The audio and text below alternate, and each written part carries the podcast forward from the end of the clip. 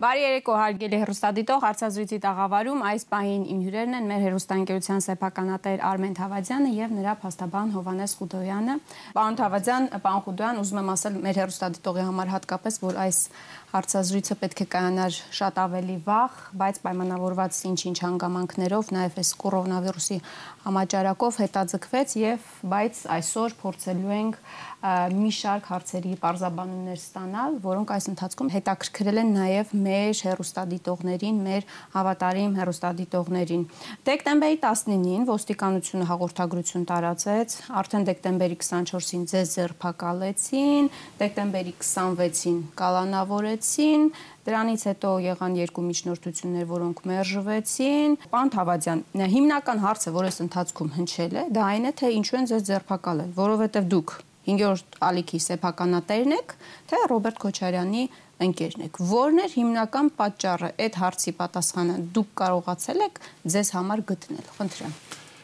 Չէ, ինձ པարզ չի, որ հարցի վերաբերյալ երևի համ-համ ինչի վերաբերում է 5-րդ ալիքի սեփականատեր, եթե 5-րդ ալիքի գործնեությունը որոշ մարդկանց դուր չի գալիս, դա ճիշտն ասած այդքան էլ չի հետաքրքրում ինձ, ինձ հետաքրքիր է, որ 5-րդ հալիքը օբյեկտիվ ինֆորմացիա տա ժողովրդին։ Ինչը վերաբերվում է Ռոբերտ Կոչարյանի ընկեր լինելուն։ Ну շատ մեծ պատիվ է լինել Ռոբերտ Կոչարյանի ընկեր, բայց եկեք մի հատ հասկանանք Ռոբերտ Կոչարյանը ով է։ Շատ ժամանակ մարդիկ ուղակի տեն շատ թեթև են վերաբերում Առաջինը ես եմ շատ լուրջ վերաբերում այդ խոսքին, այդ ընկեր խոսքին։ Ես այն այս այսօրվա այդ վերաբերմունքը իմ համար շատ թեթև է գնահատվում, ես շատ խորը իմաստ եմ դնում այդ ընկեր լինելու մեջ։ Երկրորդ Կոչարյանը այդ այն մարդն է, որը առաջնորդել է ազատագրական պայքարը Ղարաբաղում։ Փայլուն հաղթանակներ ունեցել կյանքի բերումով հայտնվել է Հայաստան, որտեղ Հայաստանը շատ ծանր դեֆոլտային վիճակում էր։ Ստեղ էլ փայլուն հաղթանակներ։ Եթե հիշում եք 8-ին ամսվա ուշացումով աշխատավարձեր կար, եթե հիշում եք լուր, ջուր, գազ, տենց բաներ ընդհանրապես գոյություն չուներ։ Եթե հիշում եք հացը ուտելիքը տարբեր տալոնով էր մարդ, որը հայտնվել է այդ վիճակում, շատ արագ կարողացել է կազմակերպի մոտորապես մի տարվա մեջ Հայաստանում կար գազ, լուր, ջուր, աշխատավարձի ուշացումը խիստ պատժվում էր, եթե ամսի 1-ին աշխատավարձը, եթե 2-ին 3-ին են տալիս վճարում աշխատողների աշխատավարձը, դա արդեն խնդրեմ էր։ Ու Դրանից հետո էլ մենք գիտենք Երևանում ինչա կատարվել։ Հայաստանում ընդհանրապես ճանապարհներ, տունելներ, կամուրջներ,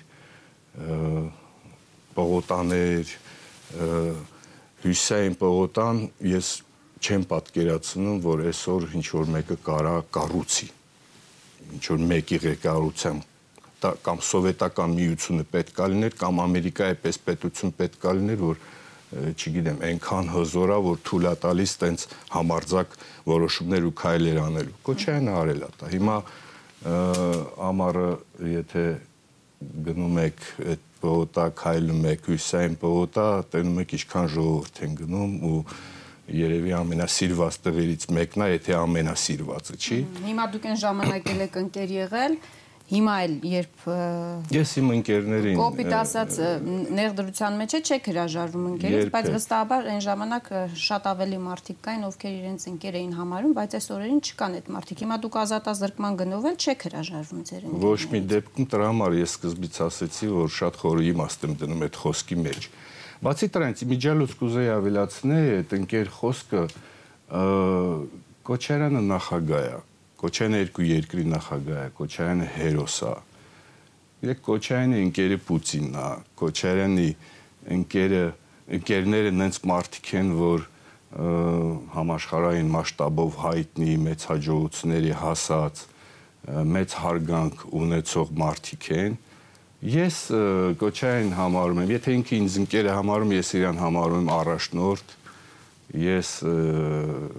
իրան համարում եմ մարդ, որը այս ամեն ինչի ինչի մասին խոսացի արել է ու ես դա հարգում եմ իմիջիալոց ես կուզեի որ մենք երբեք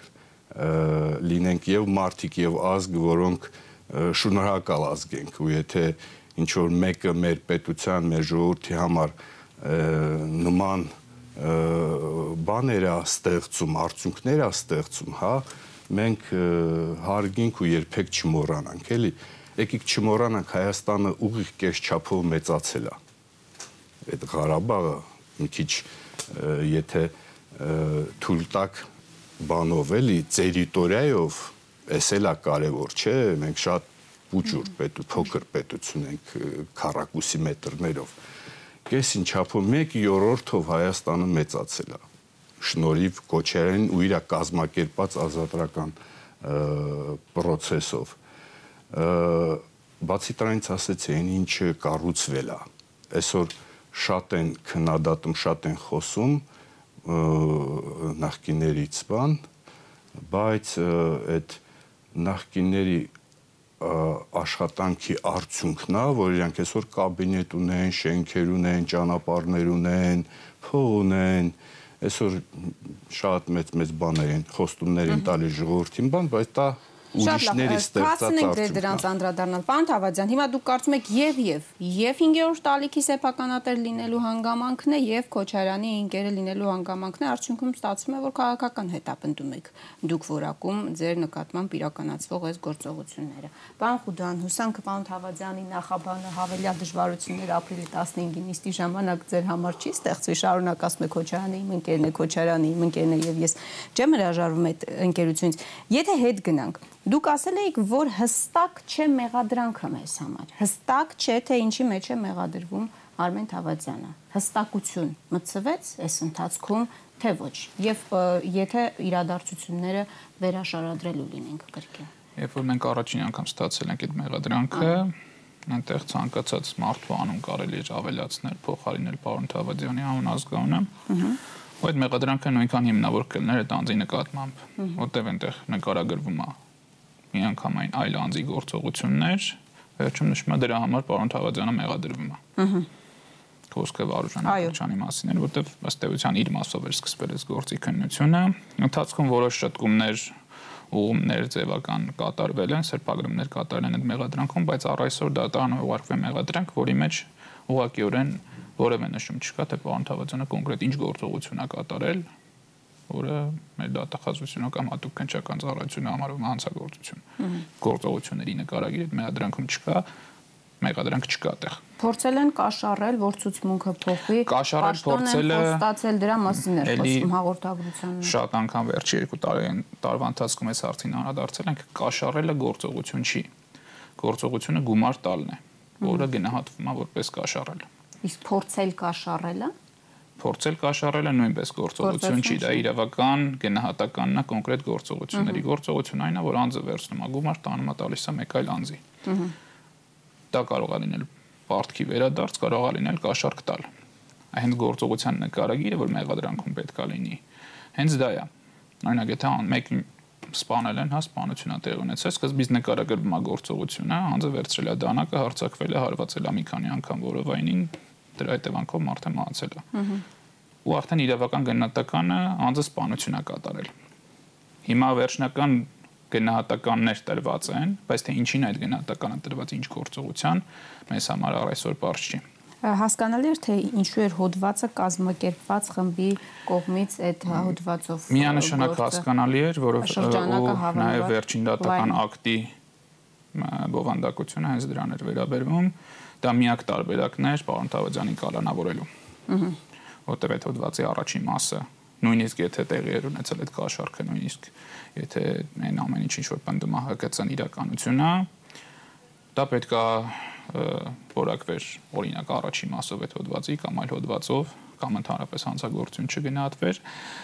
բայց միակ տարբերակը անձին կալանավորն էր որ այդ հոդվածի 4 մասը պետք է ինչ-որ մի ձև կպցնեին գործին որը կատարել են որը վերաքնիչ դատանի ակտով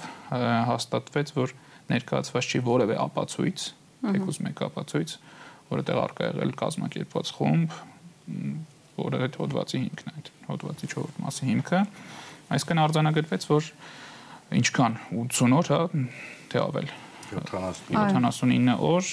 պարոն Թավադյանը ապօրինի կալանքի տակ է եղել։ Երբ այդ գործը հարուցվեց, հարցերը արդյոք կա կասկած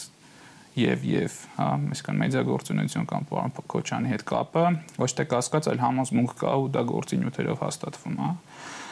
Եթե նայենք ինչ կապ ունի գործը պարոն Քոչյանի հետ օրինակ։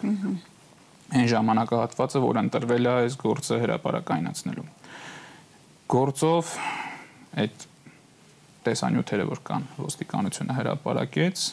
այդ գործողությունները, ինչը որ ֆիքսվել է այդ տեսանյութով, սկսվել է սեպտեմբեր ամսին սեպտեմբեր-հոկտեմբեր ամիսներին։ Դրանից հետո այդ գործողությունները դադարել են։ Իսկն հանդիպումներ այդ ենթադրյալ դուժողի հետ։ Դադարելուց հետո որևէ շարունակություն չի ունեցել այդ process-ը, բայց այդ բային քրեական գործ չի հարուցվել, հատուկ քնչական ծառայություն չի ուղարկվել, ոստիկանությունը դրա վերաբերյալ տեսանյութը չի հրապարակել։ Երբ որ խոսք էր գնում արդեն վերակնիչ քրեական դատարանում պարոն Քոչյանին գրավով ազատ արձակելու վերաբերյալ ու բոլոր այդ process-ներում, երբ որ նշмарվում է հնարավորություն, որ դատարանը կարող է կայացնի որոշում, որ պարոն Քոչյանն հայտնվի ազատության մեջ, տարբեր գործիքներով սկսում են փորձ կատարել ազդել այդ դատական ակտի վրա։ Սա հերթական փորձերից մեկն է,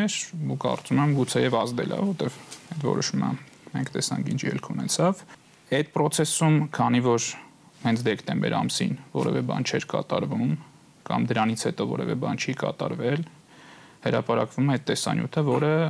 շատ լավ մոնտաժի արդյունք է եղել։ Դրա մասին ասել եմ Մեդիա մասում։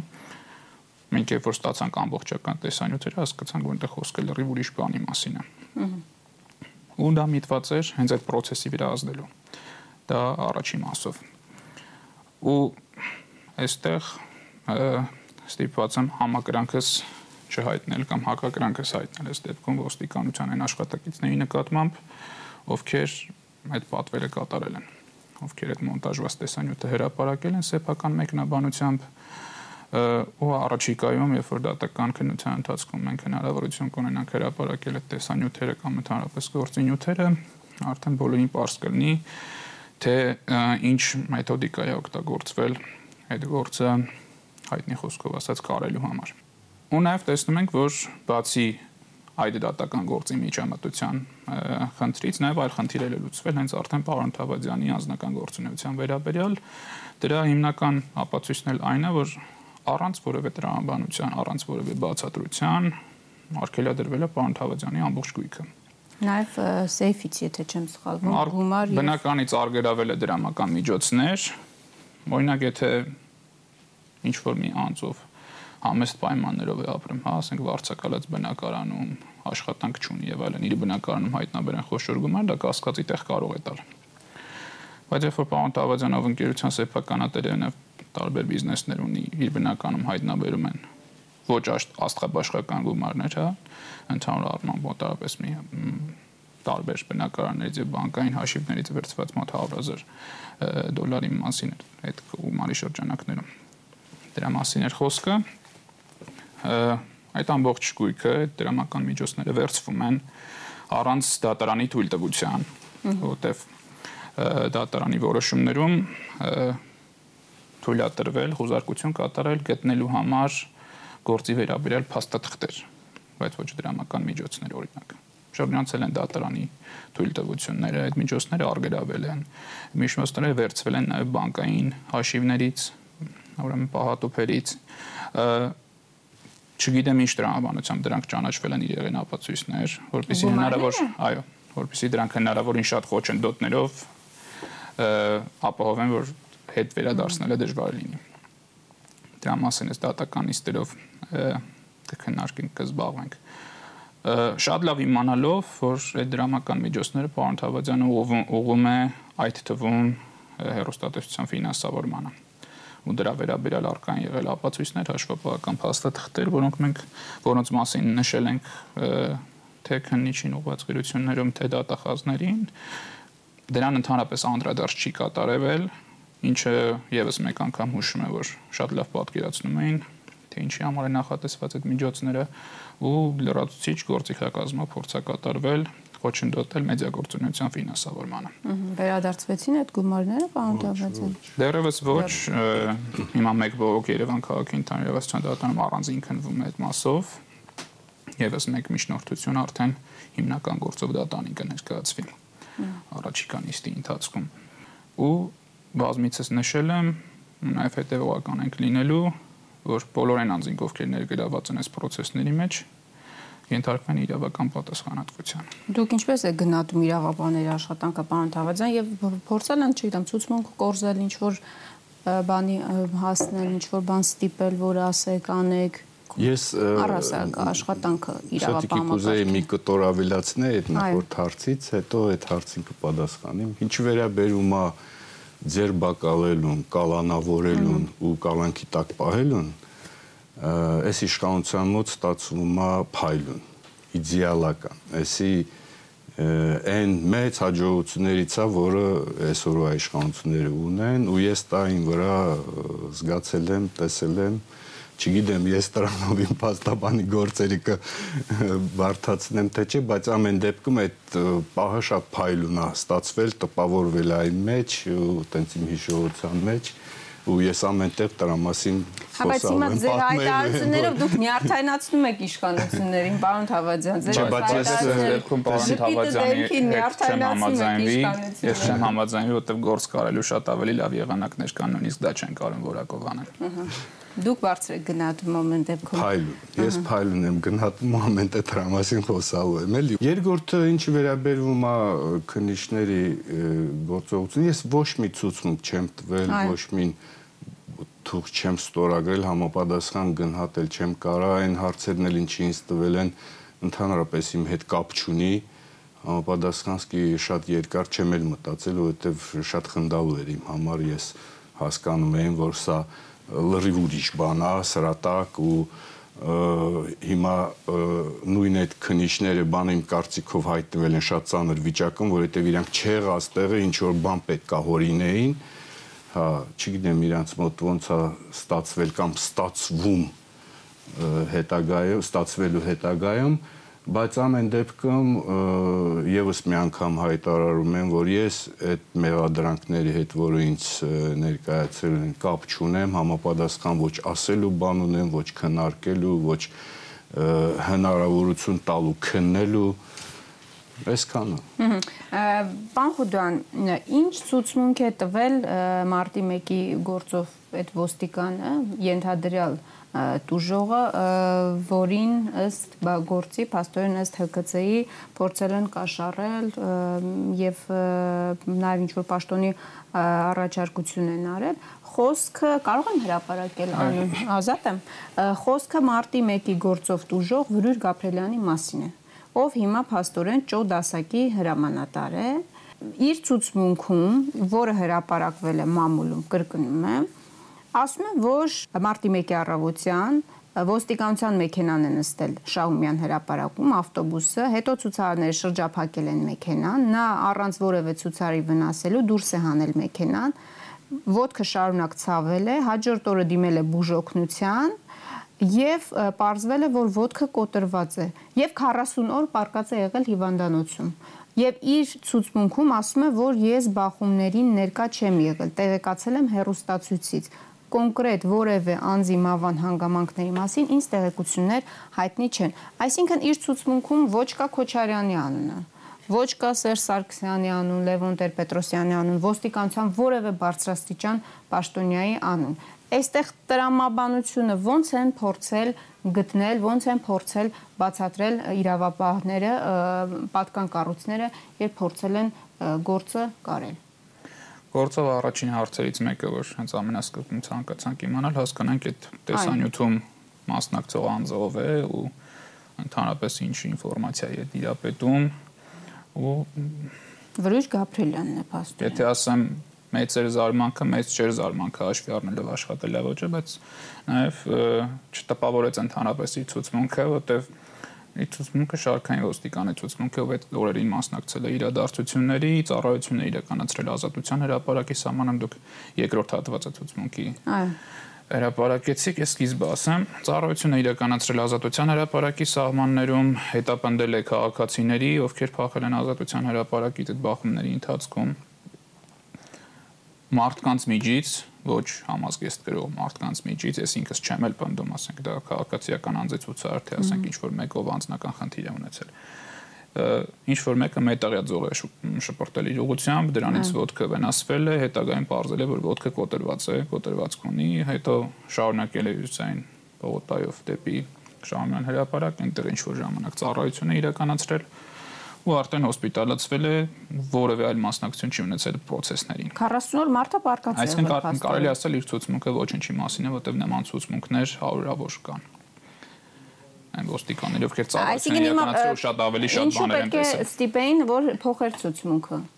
Այստեղ հետաքրքիր, այստեղ հետաքրքիր բան կա, հենց որ բացահայտում հատուկ քնչական ծառայության եւ գլխավոր դատախազության իրական շարժառիթները։ Տեսեք, նշվում է մեղադրանքի մեջ, որ կաշառք է տրվում անձին Ռոբերտ Քոչյանի օկտին սուտ ցուցմունք տալու համար Բայց ոստիկանության շարքային պաշտոնյան ոնց կարող էր Քոչարյանի օգտին ցուցմունք տալ։ Ինչ որ իմաստով մենք կարող ենք համարել այս ցուցմունքը օգտին, այս ցուցմունքը դեմ, որտեղ եթե պարոն Քոչյանին մեղադրանքի մեջ ձևակերպում կա, որ ցույցերը բացառապես խաղաղ են եղել, ցանկացած ցուցմունք, որը վերաբերում է ցույցերի ոչ խաղաղ լինելուն, մենք փաստաբաներս կարող ենք օգտագործել հոգուտ պարոն Քոչյանի բայց խնդիրը այն է թե ինչա դատախազությունը կամ են հասկանում սուտ ցուցմունք ասելով որովհետև այդ անձը նույն ցուցմունքը տվել է 2008 թվականին, նույն ցուցմունքը տվել է բարեփոխված հատուկ քնչական ծառայությանը 2019 թվականին։ Ինքը իր ցուցմունքը պնդում է այդ խոսակցությունը, այդ տեսանյութերի մեջ, որ մեր ձեռքի տակ հայտնվեց։ Ինքը ասում է, որ իրականությունը այսպես է եղել, Վարժան Մկրչյան իրեն ասում է ցուցմունքդ կպնդես, ով որ հանկարծ քեզ կստիպի այլ ցուցմունք տալ տեղեկացրա մեզ, եթե հանկարծ նման բան կփորձեն, այսինքն ստիպեն քեզ դու ցուցմունքդ փոխես ստես, լուրջ խնդիրներ կունենան։ Դա իհարկե շուրատրվում հակարական ներկայացվում։ Ու այդ անձի ցուցմունքը գործի վրա որևիցե նշանակություն չի կարող ունենալ։ Բայց հետաքրքիր ամենահետաքրքիր ինչի համար ես ամեն ինչ ասում ստացվում է հատուկ քնչական ծառայությունը ցանկացած ցուցմունք Ռոբերտ Քոչյանի օկտին այս պայից սկսած կամ այդ մեղադրանքի պայից սկսած նախապես հայտարարում է որպես սուտ։ Ու դա նաև ինչ որ առումով կարող զգուշացում լինի անձանց, որ հանկարծ որևէ որևէ մեկի մտքով չանցնի ներկանալ դատարան ու Ռոբերտ Քոչյանի օգնին ցուցմունքներ տալ, որտեղ մենք նախապես որոշել ենք, որ բոլոր այդ ցուցմունքները ցուցմունքները սուտ են։ Թեև մեր քրեական գործով բազմաթիվ ցուցմունքներ կան, բազմաթիվ օրինական ուժի մեջ մտած դատական ակտեր կան, որոնք վկայություն են այն բանի, որ ցույցերի ընթացքում եղել են ոչ խաղաղ անձինք բռնություններ գործադրած անձինք։ Հիմա այդ բոլոր ցուցմունքների մեջ Վրույր Գաբրելյանը ասում է, բառացի, որ ժողովրդի կողմից առարկաներ են նետվել իրենց վրա։ Հավանաբար նաև ակնկալիքը եղել է դա, որ դա թեկուզ փոխվի քնչականի նկատի ունենալով։ Ես չեմ կարծում, որ կոնկրետ Մերուի Գաբրելյանի ցուցմունքի մեջ ինչ որ բան փոխել, ավելացնել, պակասացնել ընդհանրապես որևէ ազդեցություն կարող ունենալ այս գործի վրա, որտեղ ասում նման ցուցմունքներ հարյուրավոր են, եթե Բայց պայմաններում պարոն Թավադյան ոնց է բարձր գնահատում իրավապահ մարմինների աշխատանքը։ Չէ, ես բուն process-ը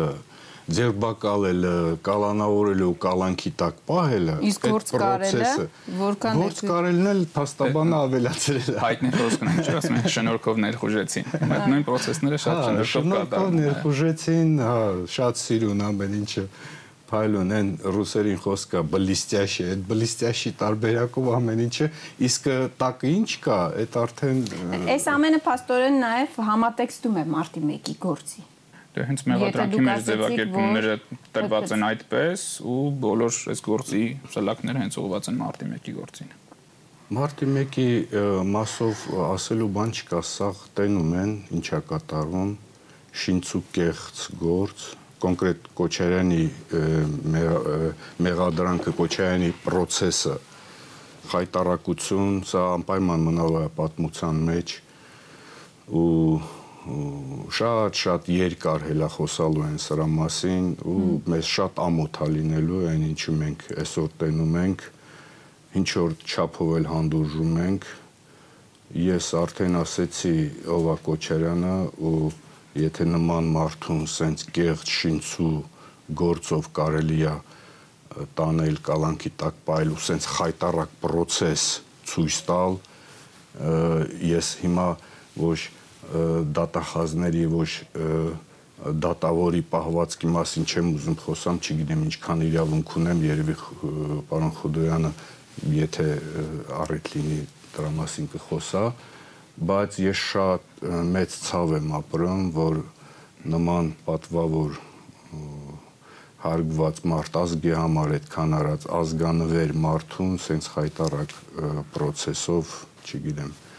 այսօր մենք նայում տենում ենք էլ այդ ինչ կատարվում է համապատասխան բացարձակ ասել մի բան կարող եմ ասել ես կխնդրեի ժողովուրդ մի քիչ ուշադիր նայեին մի քիչ ոչ թե կարծին կան նայեին, ա մի քիչ խորանային, ինչա կատարում, ինչա խոսվում,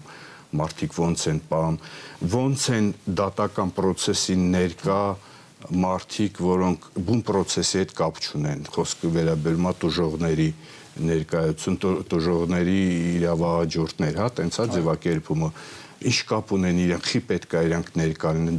դա սպանության գործ չի քննվում, սպանությունների գործ չի քննվում, չի parzum ով է եղել այդ սպանողների, խի են այդ մարդիկ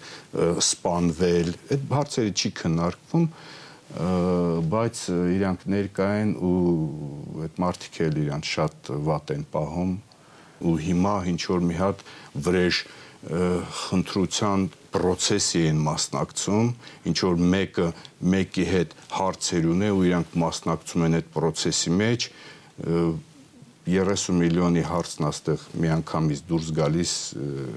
այդ փողը ինչի համար է տրվել, ոնց է տրվել։ Ոչ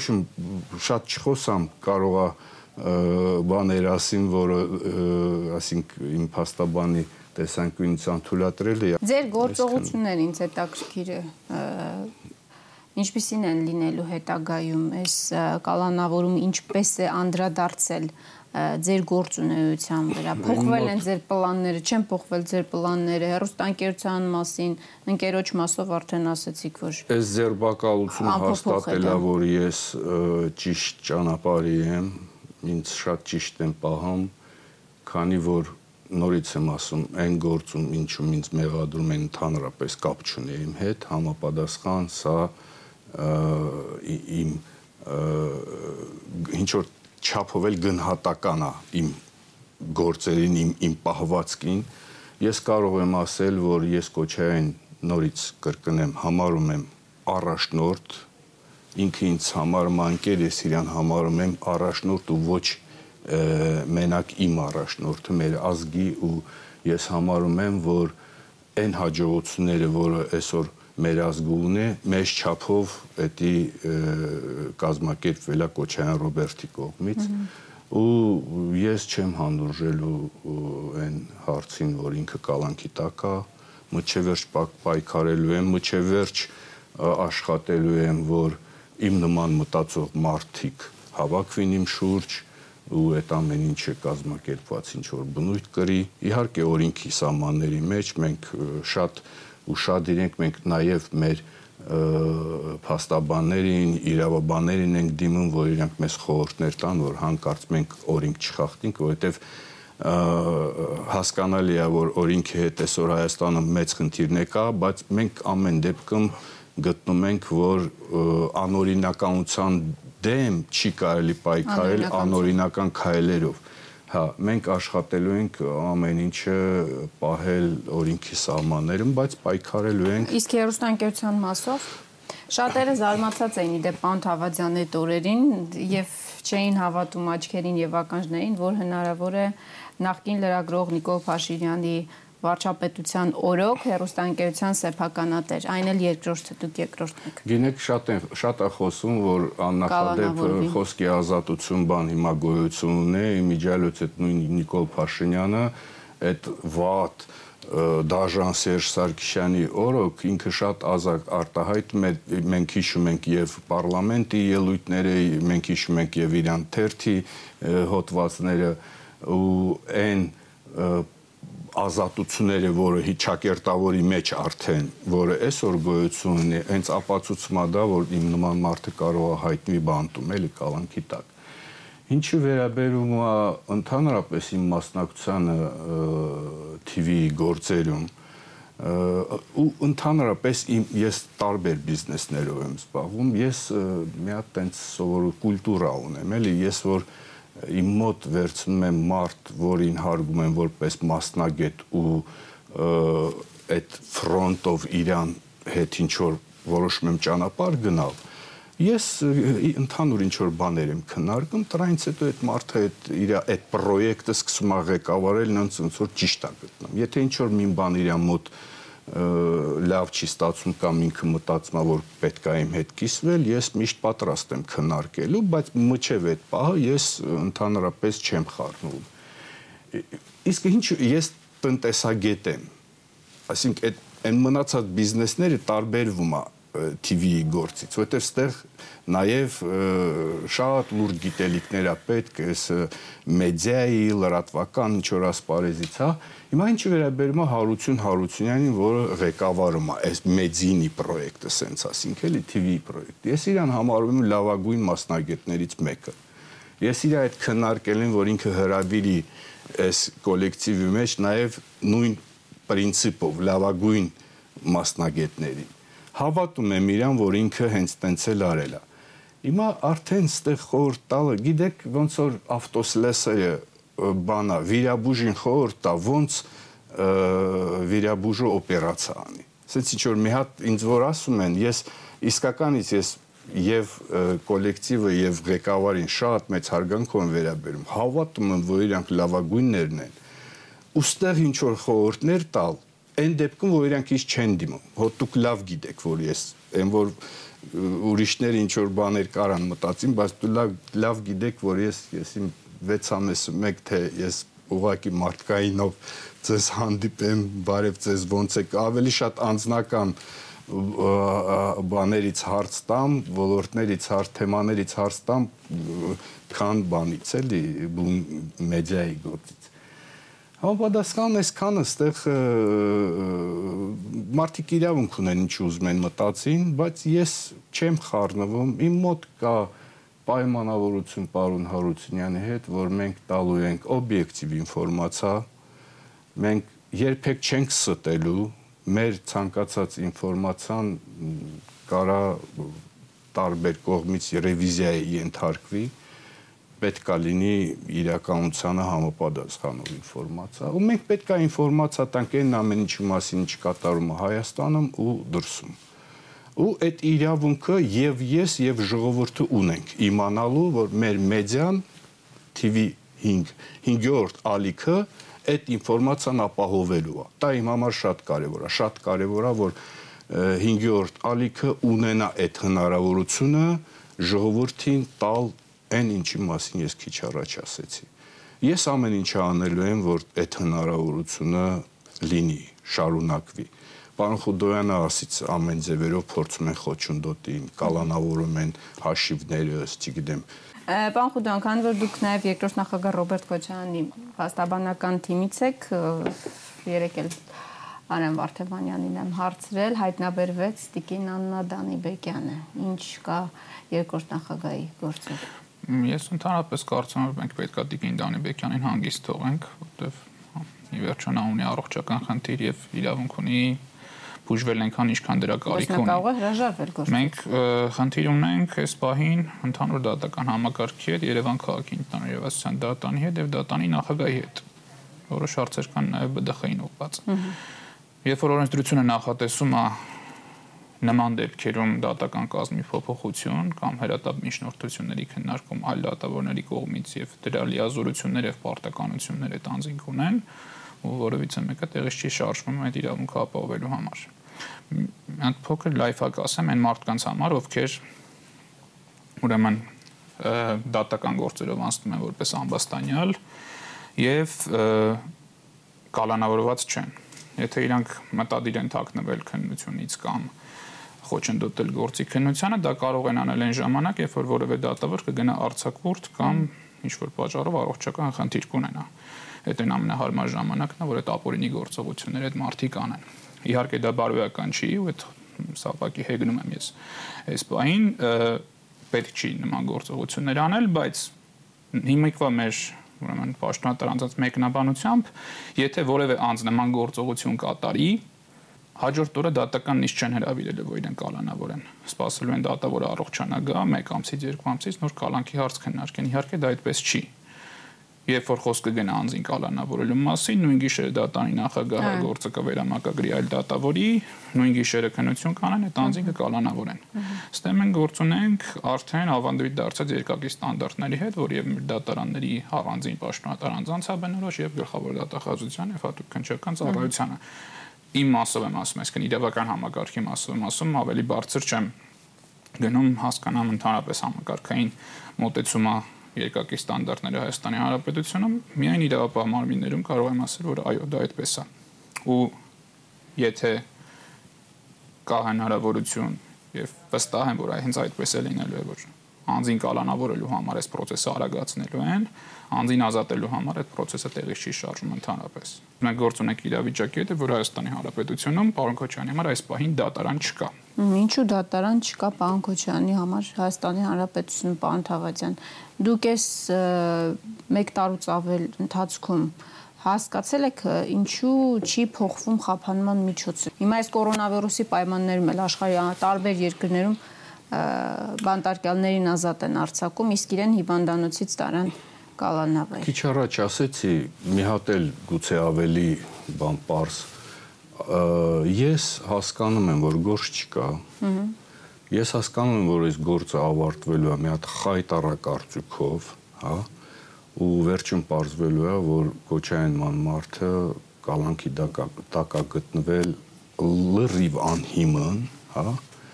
բայց սրա հետ միասին ես հասկանում եմ նաև ուրիշ բան, որ կա ինչ որ վախ, պաթոլոգիկ վախ,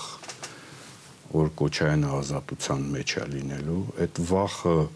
ես ոնց հասկանում իշխանության կողմից է ավելի ճիշտ ձևակերպում Նիկոլ Փաշինյանի կողմից ահա որ մեծ ու խորը վախ է որը իրան մեջ նստած է ու սարսափում է մի ուրիշ ձևի համապատասխան հենց դրա համար ինքը կալանքի տակ այս գործ բան տարբեր ինչ որ մարդկանց դատավորների, դատախազների անուններ ենք տալիս, բան այդ ինչ որ փոքր խաղացողներ են այս process-ի մեջ, որոնք պետքա այդ բանը ապահովին բուն իմաստ, որ ինքը կալանքի տակ լինի, որովհետև կա։ Ես սենց եմ հասկանում, սենց եմ պատկերացնում, բայց նաև դրա հետ միասին ես հասկանում եմ, որ չի կարա մարդը լինի կալանքի տակ, եթե ինչ որ մեկը իրանից վախում է, համապատասխան մենք մեր պայքարի process-ը շարունակելու ենք շատ ես ասեցի օրինքի սահմանների մեջ, բայց շատ կոնկրետ, շատ դիփուկ ենք աշխատելու ու ցույց ենք բացահայտելու ենք, որ եթե Քոչարյանը դատական process-ի հիման պետքա լինի կալանքի տակ, նման բան չկա, ուղակի չկա։ Քոչյանը ինչ արել, ինքը իմիջալոց բան մարդ է, խորը օրինքը հարգող մարդ է, ես անձամ իր հետ աշխատել եմ, ես իմ իմ անձնական կարծիքն եմ ասում, որը ես տեսել եմ։ Ունքը ոչ մե ոչ ինձ, ոչ իր ընկերներին, ոչ թիմակիցներին, ոչ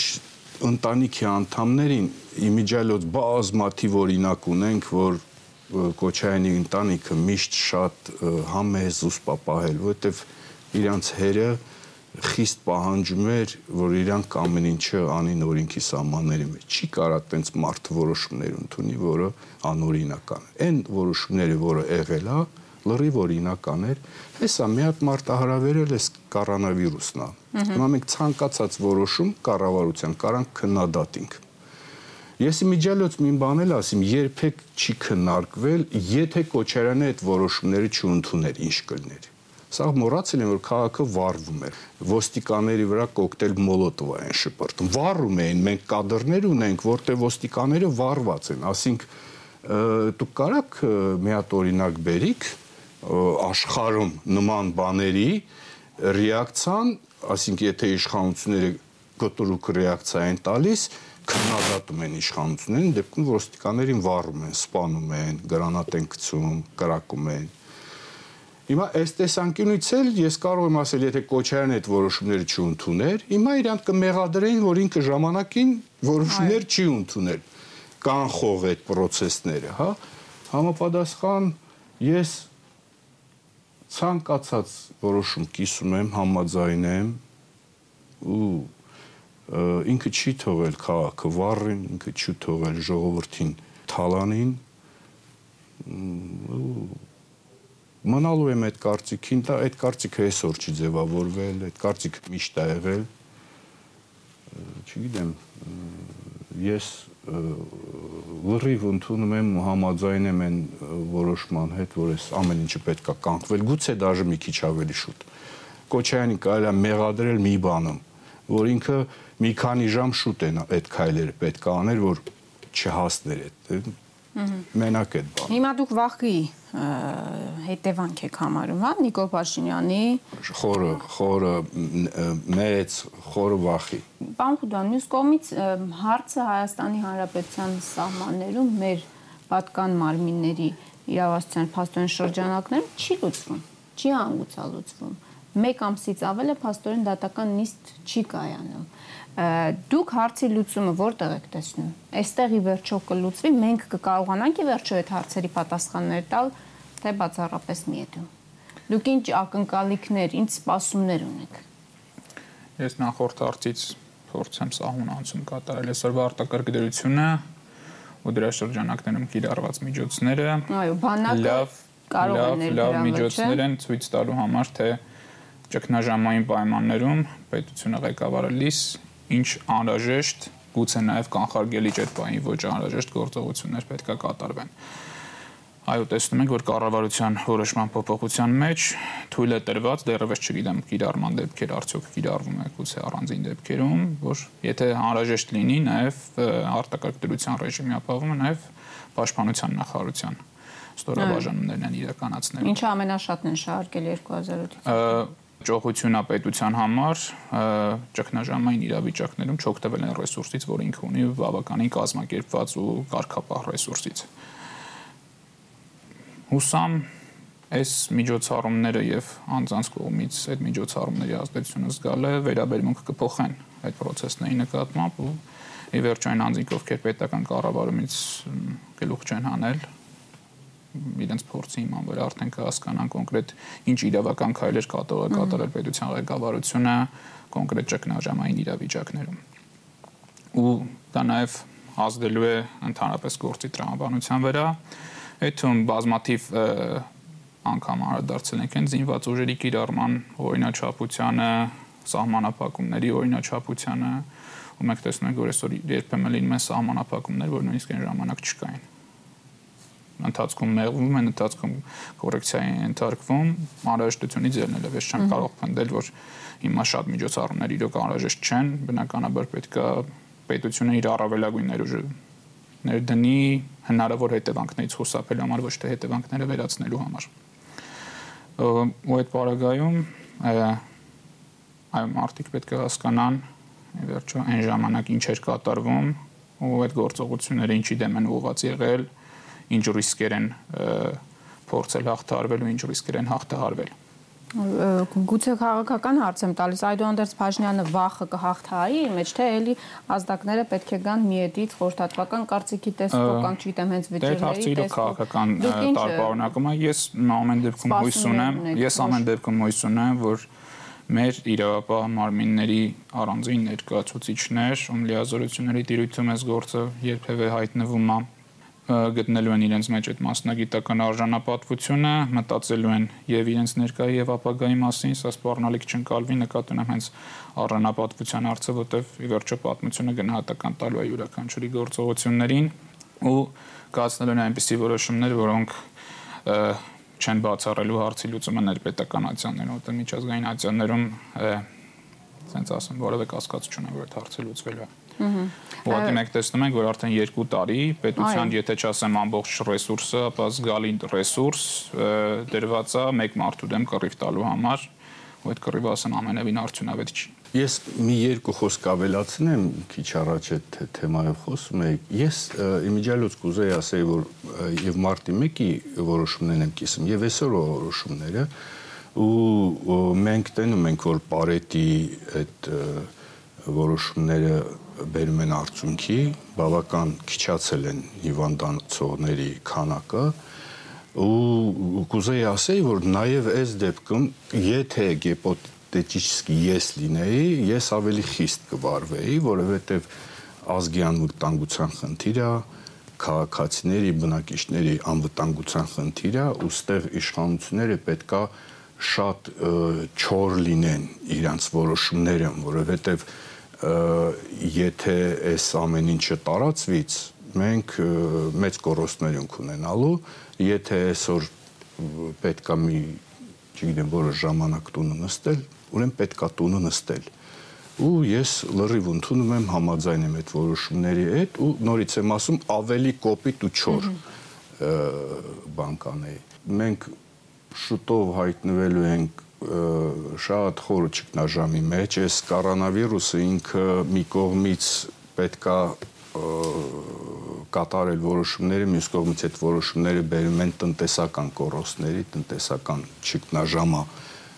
մեր դեմը լինելու համապատասխան պետք են մարդիկ, որոնք կրիզ մենեջմենտից տեղյակ են։ Ես այս կառավարությանը գնահատում եմ ոչ թե իրանք սովորական դեպքում չեն կարող մենեջմենտ կատարին, չեմ հասկանում ոնց են լինելու քրիտիկական պահերի, իմիջիալոց մեր պատմության մեջ կան կտորներ, որ մենք ճգնաժամային ինչ որ փուլեր ենք ապրել, մենք ունենք վարչապետներ, որոնք եղել են ու հիմա նայելով այն ժամանակվա որոշումների ու հիմիկվա ես օրինակներով եմ կարող խոսել Վազգեն Մանուկյան, որը պատերազմ Հրանտ Բակրատյան, որը պատերազմ պլյուս պրիվատիզացիա Ռոբերտ Կոչարյան, որը դեֆոլտի ցահանել է փայլուն իրանց գործը կատարել են։ Այդ մարտիկ սելֆի մարտիկ չեն, այդ մարտիկ պոպուլիստներ չէին։ Իրանք գշերցերեք աշխատում են, իրանք ժամանակ չունեին բան լայֆեր անելու, PR-վելու, զանգելու, սելֆիներ անելու, ընդհանրապես ես գիտեմ իրանք ես ուղակի այն ժամանակ թիմի մեջ էի, տենում էի ինչա կատարվում, ու իրանք մուչև ուշ ժամերի ուղակի աշխատում էին այդ մարդիկ փայլուն իրանց միսիան կատարել են, իմիջիալոց շատ են նախկիններին խփում, այդ նախկինների այդ աշխատանքի արդյունքն է, որ այսօր տալիս է հնարավորություն տեն շատ իրանց համոզիչ զգալ, լավ զգալ, ռեսուրսներ ունենալ, ինչ որ բաներ էլ այդ իրանք հելա լավ կլինի բան ստեղծին, հետո նախկիններին խփեն։ Այդ նախկինների ստեղծած արդյունքով գոյատևել ու անընդհատ իրանց հասցեին ինչ որ վատ խոսքեր ասել, ես այդքան բլագադարնի չեմ համարում, շնորհակալ չեմ համարում։ Սենց, չգիտեմ, մենք սպասում ենք տնտեսական ճգնաժամ որպես հետևանք կորոնավիրուսին, Եվ այդ պայմաններում քաղաքական հետապնդումը, պարակտվածությունը կշարունակվի երկրում։ Ինձ թվում է ավելի խիստ ինչքան իրանց շատ սկսեն քննադատել, ինչքան շատ մարդիկ սկսեն հիասթափվել, իսկ հիասթափվելու են անպայման, որովհետև ես չեմ տենում մի հատ էլա գործի մարդ այդ թիմում, այդ մարդիկ քարը քարի վրա դրած չկան, այդ մարդիկ երբեք բան չեն ստեղծել այս երկրում, այս ժողովրդի, մեր ժողովրդի ինչ որ շատ են հիացած, շատ են գովում, բայց խոսում են այն մարդկանց մասին, որոնք երբեք ոչ մի բան չեն ստեղծել նույն այդ ժողովրդի համար, հա? ու, ու ընդհանրապես համարում եմ, որ այդ մարդիկ այդ ժողովրդի կորոստների ու հաջողությունների հետ ընդհանրապես կապ չունեն։ Ոնց կարանք մենք տենց մարդկանցից ինչ որ բան սպասենք համապատասխան քննադատությունները շատանալու ինչքան շատանա այնքան Քոչարյանի պես մարդիկին պես մարդիկ ավելի բան խիստ հետապնդման են ենթարկվելու։ Շնորհակալ եմ։ Սպասենք փաստորեն ապրիլ 15-ի նիստին։ Բուն դատականությունը եթե կայանա պայմանավորված կորոնավիրուսով Ռուստան։ Շնորհակալ եմ։ Հարգելի հեռուստադիտող, այսօր իմ հյուրերն էին 5-րդ ալիք հեռուստանկյացության սեփականատեր Արմեն Թավադյանը եւ նրա փաստաբան Հովանես Խուդոյանը։ Ամուր եղեք, հանդիպենք վաղը։